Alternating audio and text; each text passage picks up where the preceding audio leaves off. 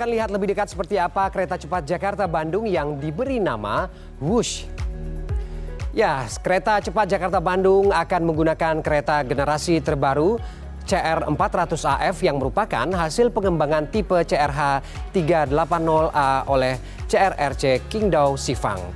CR400AF ini memiliki lebar 3,36 meter tinggi 4,5 meter dan panjang lokomotif 27,2 meter dan intermediate kereta 25 meter.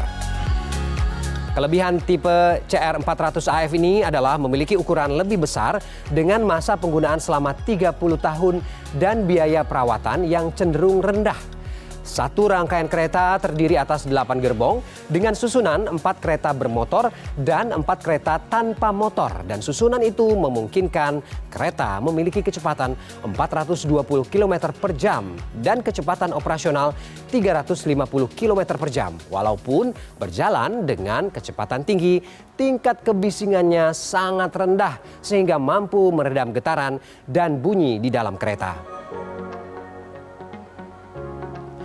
Ya, kereta cepat Jakarta-Bandung ini memiliki kapasitas penumpang sebanyak 601 orang dan terbagi dalam beberapa kelas pelayanan. Rinciannya adalah first class sebanyak 18 penumpang, business class sebanyak 28 penumpang, dan premium economy sebanyak 555 penumpang. First class ada di gerbong 1 dan 8, business class di gerbong 7, dan sisanya adalah gerbong premium economy. First Class memiliki 18 tempat duduk berwarna abu-abu dengan susunan 21. Berbahan kursi Vox Leather berbordir batik mega mendung. Sementara Business Class memiliki 28 tempat duduk berwarna merah dengan susunan 22 berbahan Vox Leather bermotif laser cut batik mega mendung dan Premium Economy memiliki 555 tempat duduk berwarna abu-abu dan biru dengan susunan 32 berbahan suit bermotif printing batik mega mendung. Selain itu terdapat pula fasilitas dining car, fasilitas untuk difabel, charging port, sampai tempat penyimpanan barang. Ya, dari segi keamanan kereta cepat Jakarta-Bandung juga didesain untuk dikondisikan atau dioperasikan untuk berbagai iklim. Dan salah satunya iklim tropis dengan kondisi suhu dan kelembaban tinggi seperti di Indonesia. Setiap rangkaian kereta ini dilengkapi dua lightning arrestor untuk meningkatkan keamanan terhadap sambaran petir terutama di sisi peralatan tegangan tinggi. Dan kereta ini juga dipastikan mampu menghadapi kondisi geografis lintasan Jakarta-Bandung yang cenderung menanjak.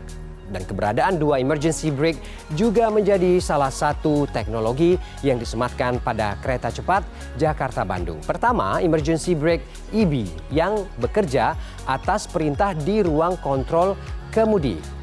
Nah, kedua, emergency brake UB yang aktif ketika fungsi automatic terrain protection atau ATP dijalankan. Dan kedua, sistem ini menawarkan tingkat keamanan lebih untuk melindungi kereta pada saat terjadi kesalahan sistem maupun kesalahan manusia. Kereta cepat Jakarta-Bandung ini akan menempuh jarak 142,3 km hanya dalam waktu 36 menit untuk perjalanan langsung.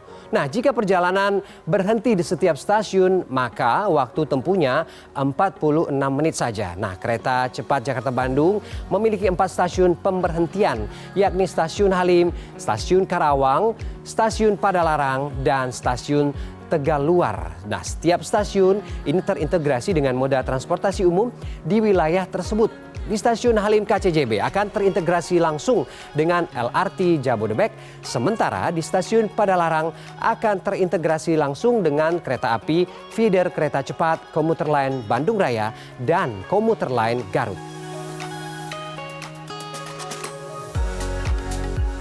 Ya, semua stasiun KCJB juga terintegrasi dengan berbagai moda angkutan transportasi dan pemerintah memberi nama kereta cepat Jakarta-Bandung Wush dan menurut Menteri Perhubungan Budi Karya Sumadi, WUS ini memiliki kepanjangan dari waktu, hemat, operasi optimal, dan sistem handal.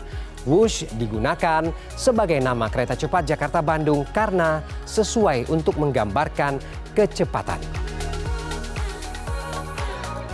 Selain menjadi tambahan pilihan moda transportasi dari Jakarta ke kawasan Bandung, kereta cepat Jakarta-Bandung diharapkan bisa membantu mempercepat program pembangunan nasional.